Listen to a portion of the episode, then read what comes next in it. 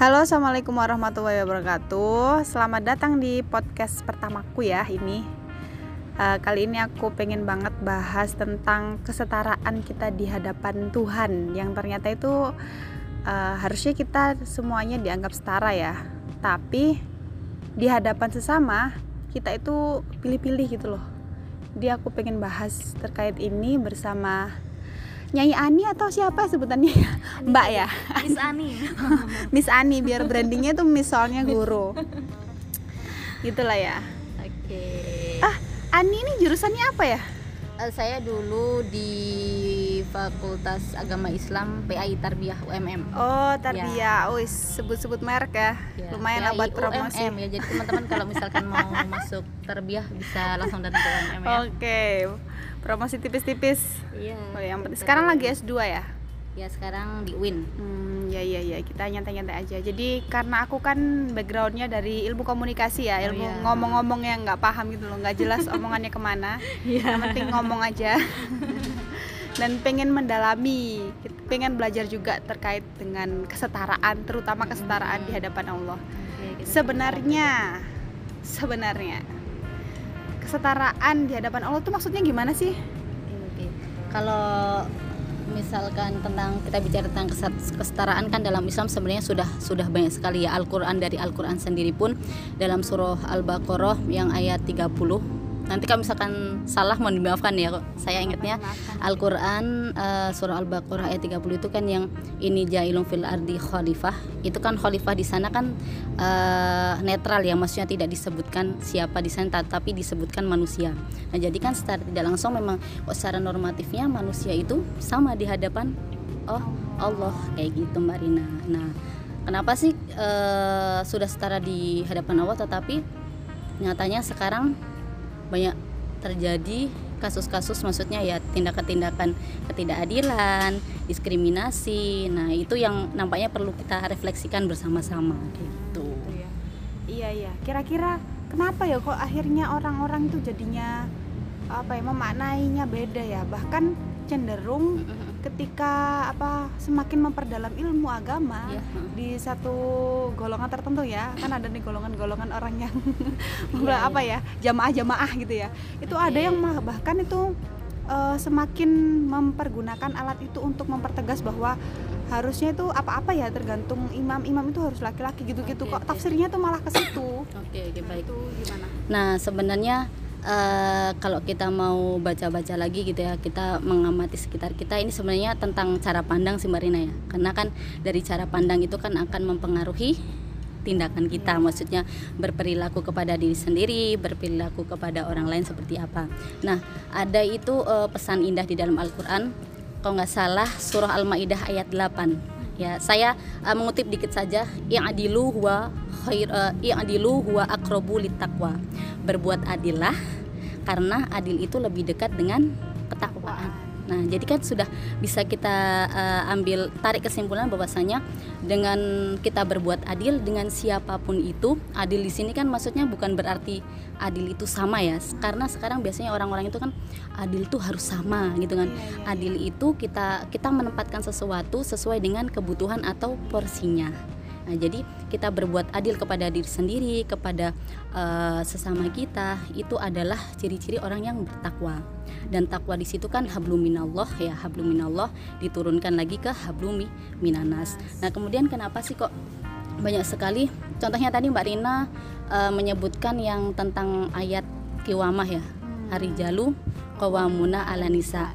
Nah, di sini ini kan memang konteksnya uh, yang muncul di permukaan maksudnya yang kita pahami sekarang itu kan ya pemimpin pemimpin itu laki-laki di dalam rumah tangga khususnya nih ya. Nah, arijal di sini adalah uh, makna substansinya adalah tanggung jawab. Ya, jadi kalau sejauh yang saya pahami, yang saya pelajari itu adalah tanggung jawab. Nah, beberapa ulama sendiri itu memang ada yang uh, menafsirkan bahwasanya arijal ini adalah laki-laki. Ada juga yang ulama-ulama uh, yang menggunakan perspektif Eh, keadilan maksudnya lebih masalah hmm. buat semua orang itu me mengungkapkan bahwasanya Ari Jalis ini bisa laki-laki bisa perempuan hmm. karena ternyata uh, setelah uh, saya baca-baca juga ternyata beberapa uh, di ayat-ayat di dalam Al-Qur'an itu ada kata-kata rijal yang Hmm. artinya itu orang-orang yang bersuci. Ada juga Hmm. uh, rijal itu yang artinya orang-orang yang ber apa maksudnya mendapat uh, mendapat janji-janji terbaiknya Allah. Nah, jadi kan dengan begini kan laki-laki perempuan bisa saja masuk dalam substansi ayat tersebut. Nah, mungkin kalau yang di rijal ar-rijal qawwamuna 'ala nisa ini kan memang uh, apa namanya? sebab-sebab turnya sendiri kan ayat-ayat ini kan siapa pun yang memiliki tanggung jawab baik laki-laki atau perempuan yang memang bisa menghidupi keluarganya ini konteksnya keluarga maka ya dia eh, berhak untuk menghidupi keluarganya dia sebagai pemimpin iya yang se- se- se- eh, sebagai pe- pemimpin tetapi memang harus di kita perhatikan eh, beberapa hal ya. Misalnya kan perempuan kan memiliki beban reproduksi gitu kan mbak Rin. Ah, ah, ah, Nah, ah. memiliki beban reproduksi. Jadi makanya laki-laki itu lebih dituntut ya. Maksudnya bukan berarti lelaki lebih seperti apa enggak. Lebih dituntut untuk menghidupi keluarganya anak-anaknya kemudian saudara perempuan ya biasanya kan. Misalkan dalam ahli waris juga kan mereka itu mendapat bagian yang lebih banyak kayak gitu sih Oh gitu ya. Iya. Terutama ini ya masalah pembagian waris kan disebutkan juga bahwa laki-laki itu mendapatkan Iya. lebih banyak seperti lebih baik daripada yang perempuan. Iya. Padahal kenyataannya sekarang ini banyak juga perempuan-perempuan itu yang menjadi pemimpin di keluarganya Iya, atau ditinggal meninggal oleh suaminya iya, atau dia ternyata menjadi beban apa ya yang penanggung jawab di keluarganya. Nah, seperti itu oke. gimana? Nah, Mbak Rina pernah dengar nggak eh, komunitas di Ponorogo itu eh, namanya apa ya? Ya Allah himpunan janda muslimah pernah dengar? Oh, gitu ya. Ada di. Ponorogo ya, jadi ada komunitas himpunan janda muslimah. Ada komunitas duda juga nggak? kurang tahu ya yang duda mungkin nanti. Maksudnya kalau janda itu sering gitu loh. Iya. Di apa ya, dibesar-besarkan. Kalau duda enggak ya. Iya, duda memang. keren aja yang bagus baru dibesarkan. Duda jelek Iya. nggak ada nih. Iya, jadi kayak misalkan eh, berarti namanya ini kan stigmatisasi ya. Ya. Ya kan stigmatisasi kayak mohon maaf kalau perempuan ditinggal suaminya janda. Iya. Kalau perempuan misalnya masih belum menikah gitu ya. Meski misalnya Perawan usia tua. eh, 30 ke atas Dibilang menikah, gitu ya. perawan tua. Tapi kalau laki-laki Nggak ada. pernah nggak sih? Makanya itu kita kan iri banget tuh. ya, Kaum ini, kita ini juga dijelekan nih. termasuk dalam eh, apa namanya eh, pengalaman sosial perempuan yang kerap kali dipinggirkan kan ya kayak gitu. Nah jadi eh, kalau misalkan dalam keluarga itu ini berarti kan konteksnya tentang perempuan memimpin keluarga gitu kan ya Mhm. sebagai tulang punggung. Ya sebenarnya kalau misalkan ada kesepakatan mas kan Mbak Rina kan juga sudah berkeluarga pasti paham ya. Kan terkadang ada juga yang satu keluarga itu yang tidak menggunakan konsep nafkah itu ada. Jadi ya udah eh, apa urusan ekonomi kita tabaru apa itu tabaru itu ya iuran bareng-bareng. Berbagi, Nah, ya, berbagi, berbagi. kayak gitu. Ada juga yang keluarga memang eh, yang berbagi perannya misalkan suaminya mencari nafkah, Mhm. istrinya ya di rumah. Asalkan eh, apa namanya pilihannya itu di dilaksanakan dengan musyawarah, ya oke-oke aja. Ada juga yang laki-lakinya bekerja, istrinya juga bekerja Mhm. sama-sama. Kayak gitu sih. Sebenarnya ya itu tadi harus ada eh, komunikasi yang baik, harus ada eh, muasyarah bil ma'ru- ma'ruf maksudnya juga Apa dengan itu tadi? Musyawarah, musyawarah bil ma'ruf Eh, tadi. eh, musyawarah ya. eh, musyawarah maksudnya Oh, dengan iya. musyawarah yang baik kayak Oh, gitu musyawarah yang laki-laki dan baik, ya. perempuan. Nah, kaitannya dengan waris tadi Mhm. itu kan berarti sebenarnya kalau misalkan kita nggak tahu nih nggak tahu makna tentang ayat Al-Qur'an Ah, atau yang iya. lain-lain kan pastinya dapat di pengajian-pengajian dan Oh, mesti iya, yang ah. di-share itu tentang itu Mhm. ya yang ya mau nggak mau tuh karena laki-laki adalah pemimpin habis Iya, itu ha. harus mendapatkan lebih banyak jatahnya nah apakah eh, tafsir ya ini menafsirkan makna ayat ya jadinya itu bisa nggak disesuaikan dengan kondisi yang seperti itu Sekarang, kasusnya ha. tadi Oke. Jadi kayak gini sebenarnya sebenarnya background saya juga bukan ilmu tafsir ya, cuman kan Ah. memang pernah belajar dulu seperti apa sih cara menafsirkan suatu ayat. Jadi kan eh, memang ya Al-Qur'an itu kan pesan-pesan universalnya kan ditujukan kepada manusia dan Al-Qur'an itu tidak bisa dipahami ketika kita eh, maksudnya pesan-pesan ilahiyahnya tidak akan sampai ke, ke kita ketika kita tidak memahami bahasa Al-Qur'an. Nah, kayak itu memang mau tidak mau ketika kita mau memahami suatu ayat itu tidak hanya eh, memahami secara tekstual saja tetapi Hmm. kontekstual Mm-mm. Nah, contohnya tadi misalkan eh, ayat-ayat Arijaluna Kuwamuna Alanisa, kemudian ada lagi tuh biasanya yang surat Anisa ayat 1 penciptaan manusia itu kan juga sampai sekarang masih diperdebatkan. oh gitu itu ya kan ya, emang maksudnya, debatable Eh, ya maksudnya yang dijadikan untuk menjustifikasi bahwasanya misalkan perempuan itu adalah eh, second sex gitu ya misalnya perempuan kedua. Nah, tentang eh, ayat-ayat waris tadi memang ya harus memang laki-laki jadi gini, eh, laki-laki mendapatkan jumlah warisan lebih banyak itu bukan berarti karena mereka lebih utama, lebih unggul. Karena memang mereka eh, mendapat tuntun- eh, tuntutan untuk membiayai keluarganya. Mm. Ya, dikarenakan juga laki-laki itu tidak memiliki beban reproduksi. Mm-mm. Nah, sehingga lebih lebih apa ya? Dia lebih lebih bisa untuk mencari eh, ya, apa lebih namanya? leluasa, nafkah, lebih- ah, iya untuk menafkahi keluarganya, anak-anaknya, istri-istrinya Hmm. bahkan kalau misalkan masih ada saudara perempuannya pun dia wajib loh memberikan nafkah kepada saudara-saudara perempuannya kayak gitu sih Mbak Rina. Nah, makanya ketika kita mau sekarang itu agak gelisah sih eh, karena apa ya banyak sekali wacana-wacana agama itu yang yang apa ditafsirkan secara bias. Nah, Hmm. misalnya kayak misalkan sekarang itu kan kiblat-kiblat pemahaman Islam itu masih saja dikiblatkan ke, ke Arab. Padahal bangsa Arab itu kan iya, dulunya iya, seperti iya, apa kan kita tahu ya. Maksudnya kita tidak nggak bisa tahu nih nggak tahu nih. kita Mm-mm. harus ceritakan dulu kenapa Jadi- emang emang Sarah bangsa Arab. Ya pasti teman-teman juga udah banyak yang tahu ya bahwasanya Iya. bangsa Arab eh, maksudnya gini Al-Quran itu kan pakai bahasa Arab ya. Nah dan bahasa Arab ini eh, supaya mudah difahami oleh masyarakat Arab pada saat turunnya Al-Quran itu harus disesuaikan dengan gaya ataupun verbalisasinya orang Arab. Nah dan bangsa Arab pada zaman dulu itu uh, mereka itu kan uh, belum memiliki pemahaman ya maksudnya tidak belum ada memiliki pemahaman kesetaraan terhadap perempuan. Maksudnya ya anak kalau misalkan Iya, perempuan melahirkan perempuan nah, melahirkan ya bayi dulu ya. perempuan ya dibunuh hidup-hidup malu gitu kan perempuan sebagai jadi aib ya. Ah, jadi aib. Nah kayak gitu Marina. Jadi memang Ibnu Khaldun sendiri pernah me- apa pernah menyatakan bahwasanya itu tadi Al-Qur'an itu kan menggunakan bahasa bahasa Arab. Nah, Mm-mm. tetapi untuk e, menyampaikan pesan-pesannya kepada banyak orang itu Mhm. menggunakan e, menggunakan bahasa-bahasa ataupun tak struktur bahasanya orang Arab pada zaman dulu. Jadi memang harus benar-benar hati-hati kayak tadi menafsirkan ayat ini. Contohnya bidadari surga.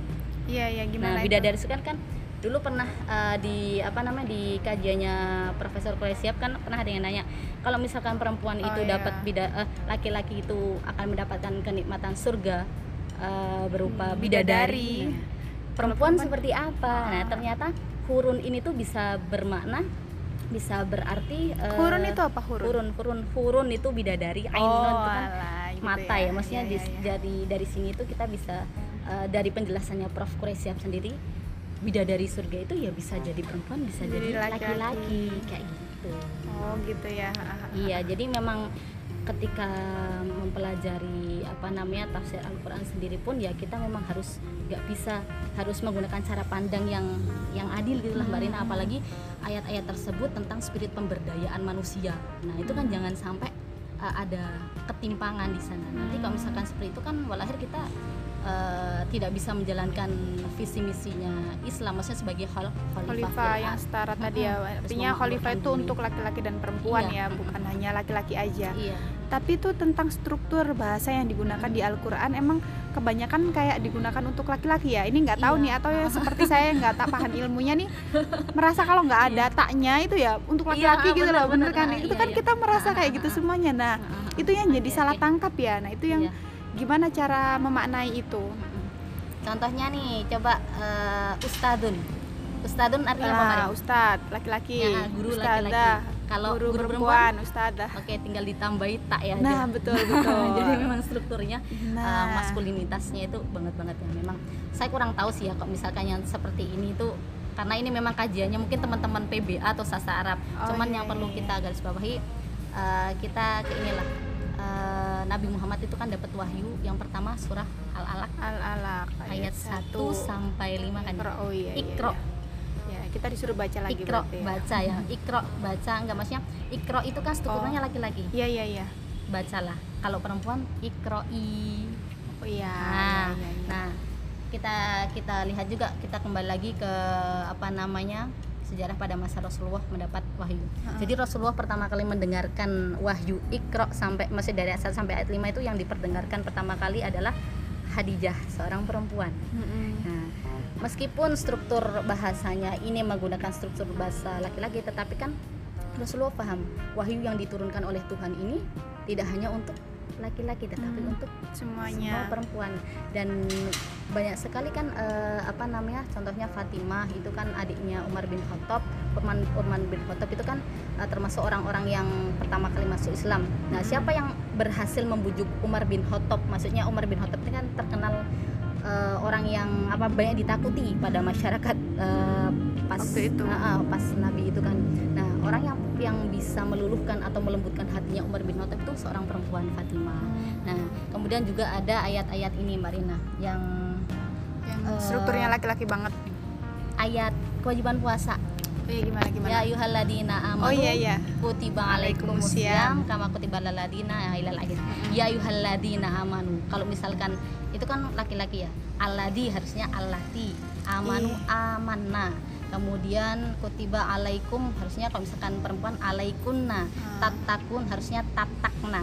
Nah, tapi Iya. kan nggak mungkin kan kewajiban puasa, sholat eh, ini puasa ya kewajiban Ah. sholat itu hanya untuk laki-laki. Kalau kita kalau kita Eh, tekstual ya udahlah ah, perempuan nggak usah aja lah ya Ah, kan iya, nggak ada juga di ayat Al-Quran situ. Hmm. Kemudian ada juga saya catat nih. oh iya iya dong Surah eh, ini Marina Al-Baqarah ayat 110 iya tentang Tadi apa ya. itu eh, tentang kewajiban sholat sama zakat.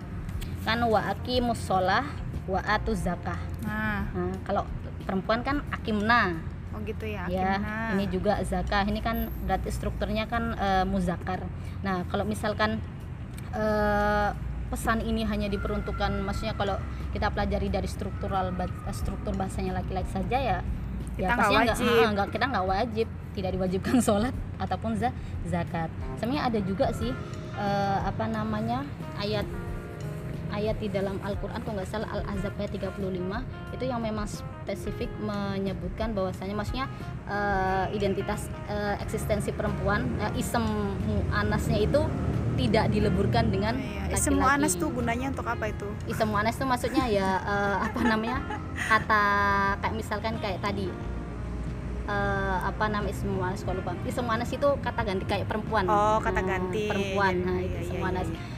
Contohnya kayak gini misalkan dalam masjid ini ya ada jutaan perempuan.